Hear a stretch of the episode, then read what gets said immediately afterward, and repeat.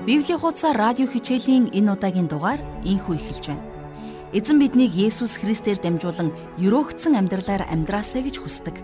Харамсалтай нь өнөөдөр хүмүүс тэр битгийх л Христэд итгэгчдийн дунд нурсан амьдралтай итгэгчд цөөнгүй байна. Бурхны хүслээс гажиж явснаасаа болоод амьдралаа сүрүүлсэн олон итгэгчдийг бид хардаг. Тэднийг авралаа алдсан гэж би огтхон ч хэлээгүй шүү. А гэхдээ тэд бол авралаас бусад бүх зүйлээ алдсан хүмүүс юм. Энэ талаар Библийн 1-р Коринтын 3-р бүлгийн 15-р ишлэлдэр Илч Паул ингэж хэлсэн байдаг.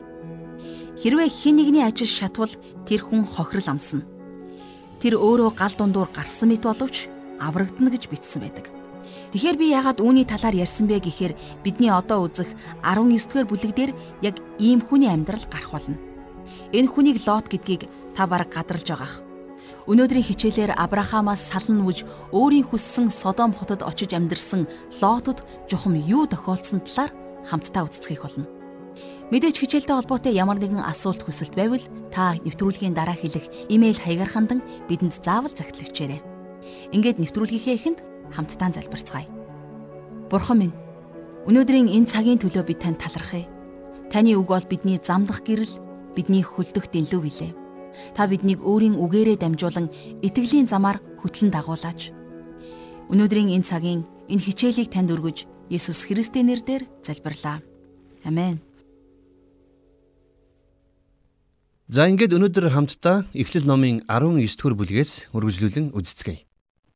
За 19 дугаар бүлгийн 6-аас 7 дугаар ишлэлдэр Лот тэдэнтэй уулзахаар гарч ирээд хаалга хараасаа хааж ах トゥ нар минь ээ ийм муухай зүйл битгий хийгэрээ гэж хэлсэн байна.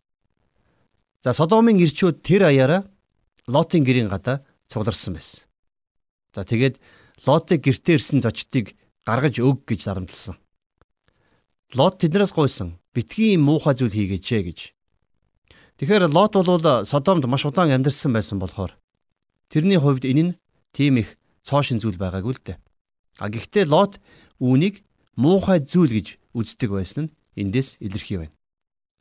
За 8 дугаар ишлэлээс үргэлжлүүлэн унших юм бол Надад эр хүнтэй хавтайгүй хоёр охин бий. Би тэднийг та нарт авчиръя. Та нар хүсснээрээ тэднийг идэл. Харин энэ хүмүүс миний гэрт ирсэн учраас тэдэнтэй юу ч битгий хийгэрээ гэвгсэн байна. За маш сонирхолтой ишлэл байгаа. Тухайн айлд ирсэн зочныг гэрийн эзэн хамгаалах нь ёс юм. Лот зочдоо хамгаалахын тулд ийм залиас гаргахад ч бэлэн байсан гэд бодохоор үнэхээр гайхширмаар байз. За 9 дугаар ишлэгийг харъя. Тэд зам тавьж өг гэд манай энд ирсэн энэ цагаач бидний шүүгч болох гэж юу? Одоо бид тэднээс илүү чамайг хорлно гэд Лотыг хүчээр түлхэж хаалгыг нь эвдэхээр дөхөж очив.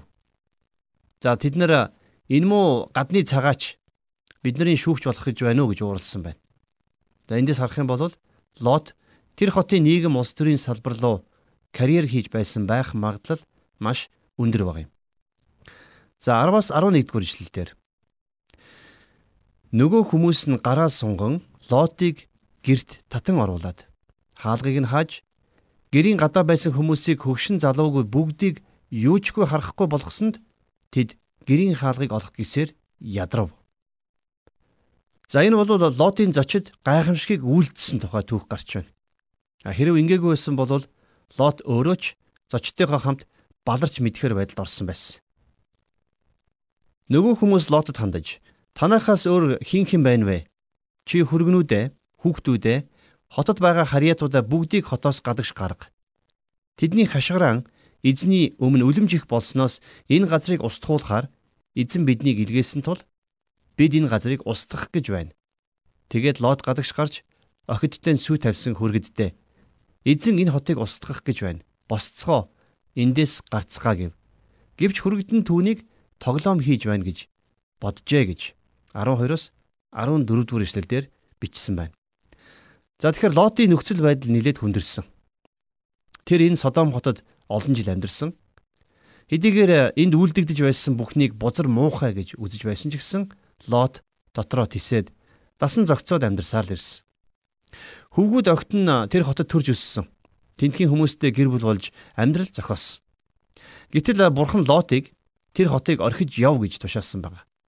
Тэгээд Лот хүрэгцүүл дээрээ очиод хэлсэн байна. Бүгдээрээ эндээс хурдхан явцгаая. Бурхан энэ хотыг устгах гэж байна гэж тэдэнд хэлсэн. За тэгэхээр харин хүрэгцүүл нь яасан гэж тэд нэр урдаас нь шоолж инээцгэсэн. Магадгүй тэд хэдэн хоногийн өмнө нилээд үнэтэй үл хөдлөх хөрөнгөнд хөрөнгө оруулалт хийсэн байсан байж магадгүй. Ямар ч тач Лот тэдний хувьд гэрчлэл байж чадаагүй нь эндээс харагдаж байна. За Лот энэ хотын иргэдээс нэг ч хүнийг бурхан дээр авчирч чадаагүй байсан. За өнөөдөр ийм байдал бидний амьдралд ч гэсэн бас элбэг тохиолдож байна. Хэрвээ бид нар энэ үеийн явдалтай эвлэрч тэдний дунд нь орж хамт алхаж эхлэх юм бол бид тэднийг бурхан дээр авчирч чадахгүй. Гэхдээ ямар ч азар лот аврагдсан нэгэн байсан. За энэ талаар Петрийн 2 дугаар загтлын 2-ын 6-аас 8 дугаар ишлэлдэр юу гэж бичигдсэн байдгийг одоо хамтдаа уншицгаая. Хожмын бурханлаг бус хүмүүст жишээ болгохын тулд Содом ба Гоморогийн хотуудыг үнсэн товрог болгосноор ялалсан бол ёс зарчимгүй хүмүүсийн садар самуун явдлаар дарамтлагдсан зөвхт лотыг аварсан юм бол за энд хашлтан дотор учир нь тэрхүү зөвхт хүн тэдний дунд амьдрах зуура өөрийн харж сонссон тэдний ёс бус байдлаас болж зөвхт сэтгэл нь өдрөөс өдөрт шаналн зовж байлаа гэж бичсэн байна. За эндээс харах юм бол Лот Содомд аз жаргалтай амьдарч чадаагүй. За харин одоо тэр энэ хотыг бүр мөсөн орхих хэрэгтэй болж байна. Харамсалтай нь Лот тэр хотоос ихнэр болон нөхөрт гараагүй хоёр охиноосоо өөр хэнийг ч авч гарч чадаагүй юм. За энэ тухай 15-аас 16 дугаар эшлэлдэр юу гэж бичсэнийг харъя. Үүр цайх үеэр элчнэр Лотыг ятхан. Түргэл энд байгаа ихнэр болон хоёр охиноо авчир. Эсвэл та нар энэ хотын гим нүглийн дунд хамтдаа устгагдах болно гэжээ. Харин Лотыг тэнэгэлцэхэд тэр хүмүүс түүний гараас болон эхнэрийнх нь мөн хоёр охиных нь гараас зууран ав. Учир нь эзэн түүнд өршөөнгөө ханджээ. Тэгээд тэд түүнийг гадагш гарган хотын гадна аваачваа гэсэн байна. За ямар тач Лотыг бурхан авралдаа багтаасан учраас түүнийг чирээд хотоос гаргасан байгаа. Лот Авраамыг дагаж байсан учраас Авраамийн бурханд итгэдэг байсан байх. Тиймээс бурхан Лотод өршөөнгөө хандсан. За энэ удаад ч гэсэн Лот бурханд итгэсэн учраас хотоос гарч явсан байна. За 17-оос 19 дугаар ишлэлдэр нөгөө хүмүүс тэднийг хотоос гадагшаа гаргаад зүгтаа амиа хамгаалахтун бүү эргэж хар. Энэ хэр талд бүүлд уул руу зүгт. Эсвэл та нар устгагдах болно гэсэнд Лот тэдэнд үгүй эзэд минь Таны зарц нүдэн дээрт нь нэгүүлсэл хүртэж та инэрл хайраа надад үзүүлж амийг минь авралаа. Гэвч би уул үд зүхтэж чадахгүй. Гай гамшиг намайг нөмөрч би үхнэ гэсэн байна. За эндээс харах юм бол Лот тэндээс зүхтаж явхдаа ч тийм дуртай байгаагүй. Лот хотоос гарч ирсэн ч уул руу явахыг харин хүсээгүй байдаг. За 20 дугаар ишлэгийг харъя. Та хараач Тэр хот руу зүгтаж очивол ойрхон бас жижигш хот юм. Намайг тийшээ зүгтаалгаач. Тэр жижиг хот биш үү? Тэгвэл би аврагдаж магад гэв. За тэгэхээр Лотыг хэлсэн тэр жижигхэн хотыг бол Зовар гэдэг байсан байна. Тэр хот руу Лот явсан. За Лот хэдийгээр Содомоос зүгтааж гарч ирсэн ч гэсэн тэр чихтэй тэндээс холдон явахыг хүсээгүй байдаг. А харин оронд нь өөр арай жижигхэн хот руу явсан байна. Бурхан Содом Гомора хотуудыг устгах үеэр Лотод юу тохиолдсон талаар одоо бид үзэх гэж байна. За хамгийн сонирхолтой нь эхнэрт нь юу тохиолдсон талаар хамтдаа үзье. За 26 дугаар ишлэгийг харъя. Лотын эхнэр эргэж харснаас болж давсан баг нь болжээ. За энэ ишлэлийг олон хүмүүс буруугаар ойлгодог юм шиг надад санагддаг. Лотын эхнэр жохом яагаад эргэж харсан юм болоо гэж. Энэ асуудал хоёр талтай байдаг. Нэгдүгээрт мэдээж Лотын ихнэр Содом хотыг орхиж явахыг хүсээгүй. Тэр Содом хотод Содом хот дахь амьдралдаа дэндүү хайртай байсан байна. За хэдийгээр тэрээр мэдээж Лотод хайртай байсан ч гэсэн Содомд магадгүй түүнээс ч илүүгээр хайртай байсан баг. Тиймээс ч Содом хотыг орхиж явахыг хүсээгүй байна. За тэгээд түүний хамгийн дотны найзууд нь бас магад тэр хотод үлдсэн байгаа. Тиймдээч тэр ер нь л Содомыг орхиж явахыг хүсээгүй. Тэрний зүрх сэтгэл нь Содом хотод үлдчихсэн байсан гэсэн үг. Хэдийгээр бие нь хотоос гарч явсан ч гэсэн зүрх сэтгэл нь тэр хоттой үлдсэн байсан байна.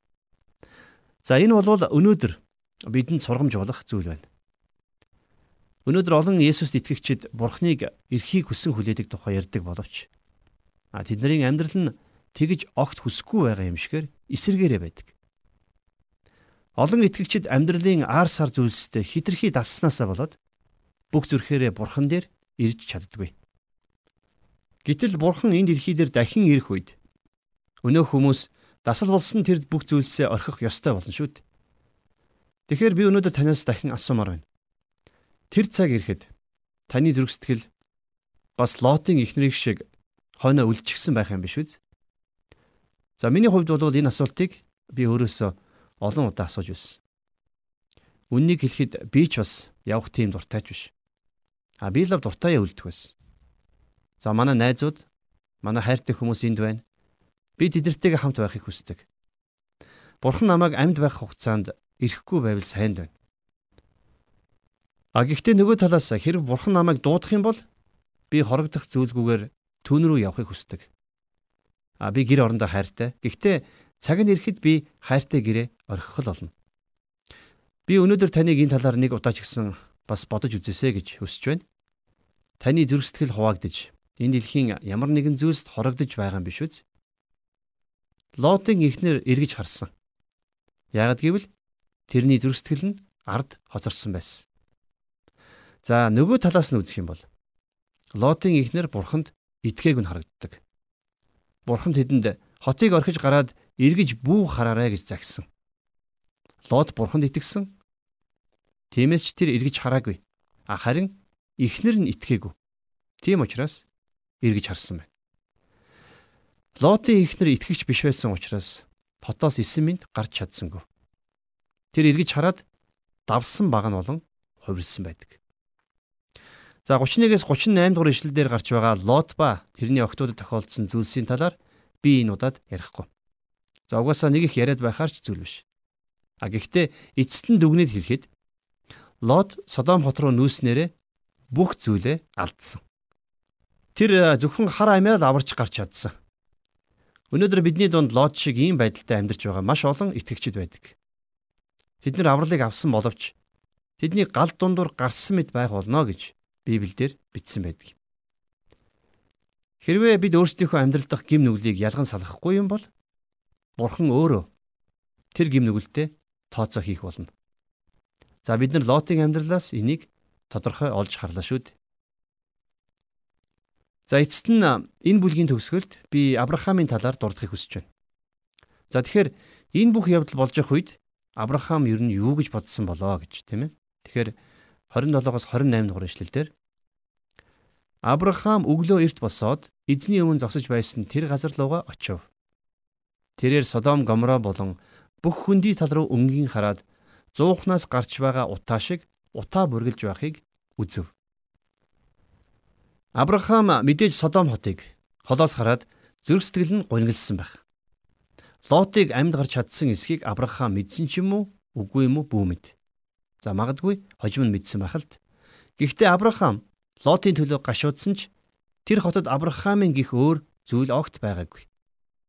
Тиймээс шүүлтийн өдөр ирэхэд Авраам ямар ч хохирлгүй гарсан байна. Авраам Содомигч за Содом дахь зүйлсийг ч хайрлж байсангүй. А тэгвэл Иохны бичсэн 1-р загтлын 2-ын 15 дээр юу гэж гардаг вүлээ? ертөнц болон ертөнцид байгаа зүйлсийг бүх хайрл. Хэрв хэн нэг нь ертөнцийг хайрладаг бол түүний дотор эцгийн хайр байхгүй гэж бичсэн байдаг шүү дээ. Лот анх Содомыг хараад сэтгэл татагдсан. А харамсалтай нь Лот Содомын үнэн дүр төрхийг нь олж чадаагүй. За Лотын эхнэр ч гэсэн мөн адил Содомд татагдсан. Гэтэл Авраам Содомыг хараад сэтгэл алдраагүй байдаг. Тиймээс Содомыг устгах үед Авраам ямар ч хохирол амсаагүй. Харин Бурхан Содом хотод очиж нөхцөл байдлыг үзэх тэр үед тэр газар ямар бузар булаа болохыг нь бид нар олж мэдсэн шүү дээ. Бурхан ч тэр газрыг жигссэн. Өнөөдөр маш олон Есүст итгэгчид сүм чуулганууд энэ гим нүглийг Бурханы нүдээр харалгүйгээр эвлэрч амьдрсаар л байна. Ижил хүснэнтэйгээ явуулдах энэ гажуудлыг бид улам ихээр харах боллоо. Тэгвэл энэ зүйлд итгэгч бид яаж хандах ёстой юм бэ? Тэр байтугай лот хүртэл энэнийг та нар бузар муухай зүйл хийж байна шүү дээ гэж хэлж байсан. Бурхан ийм зүйлийг үлдэж байсан хүмүүсийг шүүсэн. Тэгвэл Бурханы хүүхдүүд болсон бид нар ийм зүйлд ер нь яаж хандах нь тодорхой биш гэж юу? За энэ бол үнэхэрийн гим нүгэл юм. Энэ дэлхий бидэнд энийг өвчин эмгэг гэж тайлбарлахыг оролддог. Ижил хүснэнтэйгээ явуулдах бол гим нүгэл. Энэ талаар Ромын 1-р бүлэг дээр за тухайлах юм бол 18-аас 32 дугаар ишлэлдэр маш тодорхой өгүүлсэн байна. Ийм хүмүүсийг бурхан завхарсан зүрхсэтгэлтэй зөнд нь орхисон хүмүүс гэж өгүүлсэн байдаг. За энэ утгаараа Эхлэл 19 дугаар бүлэг нь бидэнд ямар нэгэн чухал зүйлийг ухааруулсан гэдэгт бид итгэлтэй байна. Тэгэхээр бид хамтдаа Эхлэл номын 19 дугаар бүлгийг үзэж дууслаа. Энэ бүлэг дээр бид Бурханаар аврагдсан боловч Бурханы хүслээр биш харин өөрийнхөө хүслээр явснаас болоод авралаас бусад бүх зүйлээ алдсан Лотын талаар үздэсгэлээ. Багш түүнийг сүрсэн амьдралтай хүн хэмээн дүгнсэн. Итгэгч бид Бурханы өмнө сүрсэн амьдралтай нэгэн болчихгүй тулд өдөр бүрийн амьдралдаа Бурханы хүслийн дагуух шийдвэрүүдийг гаргаж амьдарцгаая Бид Бурхны ивэл ерөөлийг амьдралдаа дүүрнээр хүлээж авахын тулд өөрсдийн гим нүглээ Бурхны өмнө хүлээн зөвшөөрч гимших ёстой юм. Хэрвээ бид гимшихгүй бол хэрвээ бидний амьдралд нууц далд гим нүглүүд байсаар л байх юм бол тэр нь эргээд бидний амьдралд Бурхны ивэлийг авахд саад болох булхаар чулуу болдог. Авраамийн амьдралд ч гэсэн ийм нэгэн бол чулуу байсан. Бурхан Авраамийн амьдралыг тэр гим нүглээс нь салгаж байж өөрийн амлалтаа биелүүлсэн байдаг. Тэр нь жухам юу эсэн талаар хамтдаа Эхлэл номын 20 дугаар бүлгээс үргэлжлүүлэн судалцгаая. За ингээд Эхлэлийн 20 дугаар бүлэг дээр бид ирж байна. За ингээд 20 дугаар бүлгийн 1 дугаар ишлэлийг одоо харцгаая. Авраам тэндээс Негевийн нутаг руу нүүж Кадеш Шүр хоёрын хооронд сууршин. Дараа нь Герарт төр зур буудлаа. Тэр үедээ Авраам өөрийн эхнэр Сараг Миний дүү охин гэж хэлсэн учраас Герарын хаан Абимелех хүн илгээж Сараг авчээ. За энэ хэсэг их сонирхолтой л доо. Сара тухайн үед тийм үзэгсэлэнтэй байсан болов уу гэсэн асуулт гарч ирнэ. За тухайн үед бараг 90 настай байсан Сараг үзэгсэлэнтэй байсан гэхээр итгэхэд хэцүү байгааз. За энийг лав би тайлбарч чадахгүй юм байна. Ямар ч тач эндээс харах юм бол Авраам нутгаасаа гарч өмнө зөв рүү нүүдэлсэн. Авраам Кадешоос цааш нүүж Герар хүртэл явсан байдаг. За хожим нь Израильчууд Египтээс гарч ирээд энэ нутаг руу орхосоо татгалцсан юм. За миний бодлоор Авраам ер нь ийшээгээ ирэх хэрэггүй байсан. Гэхдээ тэр яагаад ч юм ийш ирсэн. За тэгээд дахиад л Сарагийн талаар худлаа яриа болж байгаа. А гэхдээ бид нар эндээс нэг зүйлийг олж харж чадна. За өмнөх тохиолдлоос ялгаатай нь гэх юм бол Авраам энд бурууга өөрөө хүлээсэн байдаг. Авраам Сара хоёр өөрсдийн амьдралд байсан энэ гим нүглээ хаяхаас нааш Исаак төрөх боломжгүй байсан гэж би боддгийн. За 11 дугаар эшлэлдэр Авраам энэ газарт бурхнаас айж имэн гэж байхгүй тул тэд эхнэрээс минь болж намайг ална гэж бодсон билээ. За Авраам энд Абимелехтэй ярилцсан байна. Учир нь Авраам Абимелехт эхнэрийнхэн талаар худлаа хэлсэн байдаг. Авраам энэ удаад дахиад л бурханд бүрэн итгэж чадсангүй. Бурхангүй газар ирчихсэн учраас өөрийг нь хүмүүс алж мэднэ гэж тэр айсан. Бурхан тэрнийг хамгаалж чадна гэдэгт тэр итгэж чадаагүй гэсэн үг. Гэтэл эсэргээрээ Абимелех Бурханыг мэддэг зөвхт сайн хүн байж таарсан байна. За нэг ёсондоо Авраам Абимелехийн өмнө онгонд орсон. За цааш нь 12 дугаар ишлээс харъя. Тэгээд Сара нь үнэхээр миний дүү охин, миний эцгийн охин. Харин миний ээжээс төрөөгүй. Тэгээд тэр миний эхнэр болсон. За энд Авраам бүх үннээ хэлсэн. Үннийг хэлэхэд энэ бол хагас үнэн, хагас худлаа юм байгаамаа гэж хэлсэн байна. За нэг талаас Сара миний эхнэр боловч за нарийн ярих юм бол бас миний хамаатны эмэгтэй дүү юм шүү гэж тайлбарлсан байдаг. За цааш нь 13 дугаар ишлэлээс харъя. Бурхан намайг эцгийн минь гэрээс гаргаж тэнүүжлүүлэхэд би түүнд бидний очисон газар бүрд чи намайг энэ миний ах гэж хэлээрэ. Тэр чинь чиний надад үзүүлэх энэ л хайр мөн гэж хэлсэн юм а гэв. За эндээс бид нар Авраам бурханд бүрэн итгэж чадаагүйг дахиад л харж байна. Тиймээс Сара Авраам хоёр эхнээсээ энэ жижигхэн тохироог хийсэн байдаг. Тэд нар хаанч очисон эхнэр Сараагаасаа болж амиа алдахгүй тулд Авраам өөрийгөө Сарагийн ах гэж танилцуулж байхаар тохирсон байсан. Авраам Сара хоёр ингэснээрээ Авраамийн амь насыг хамгаална гэж бодсон байх. Тэгээд Египтэд байхдаа энэ арга хэрэгэлсэн. За тэгээд одоо энэ удаач гисэн бас дахиад хэрэглэх гэж оролдсон байна. Гэхдээ хүүтэй болохыг хүссэн залбирлынхаа хариултыг авахын тулд энэ гим нүглийнхин асуудлыг Авраам нэг тийш нь шийдэх хэрэгтэй болсон. За өнөөдөр олон итгэгчид өөрсдийнхөө амьдралд байгаа гим нүглүүдийг үл тоож тэднээсээ эргэлгүйгээр амьдарсаар л байна. Үр дүнд нь тэд бурхнаас ирэх ёстой байсан ивэл өрөөлүүдийг алддаг. За энэ тухай Паул 1-р Коринфын загтал дээрээ за 11-р бүлгийн 28-аас 32 дугаар ишлэлдэр харин хүн өөрийгөө шалгаж байгаад талахыг идэг аягнаас ууг. Учир нь идэж буй хүн хэрв биеийг зөв шүүлгүй идэж уувал өөртөө шийтгэл авчирна. Үүнээс болж та нарын дунд мөхс өвчтөе хүн олон байгаа бөгөөд цөөнгүй хүн нойрсож байна. Хэрв бид өөрсдийгөө зөв шүүсэн бол шийтгэгдэхгүй байх байсан. Харин бид шийтгэгдэхдээ эзнэр сахилгажуулагддаг. Ингэснээр бид ертөнцтэй хамт яллагдахгүй юм а гэж бичсэн байдаг.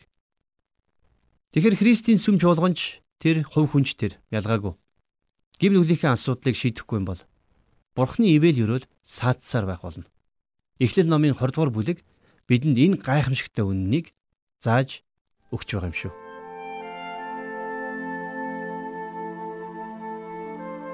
Тэгэхээр үүнийг нэг талаас нь харах юм бол энэ 20 дугаар бүлэг тийм ч ач холбогдолтой бүлэг биш юм шиг санагддаг. Энэ бүлэг дээр Авраам Египтэд байхдаа Сараг миний дүү гэж хэлсэн байдаг алдаага дахин давтсан тухай гардаг.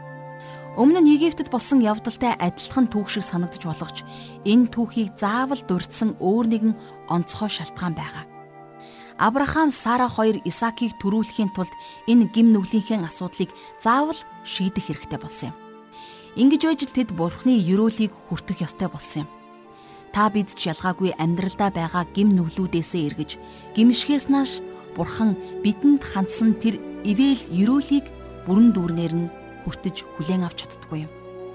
Тэгэхэр бурхны ерөөлийг амьдралдаа дүүрэн байлгахын тулд одоо хамтдаа бурханд хандаж залбирцгаая. Бурхан минь та бидний гим нүглийн төлөө өөрийн хүүгээ өгсөн.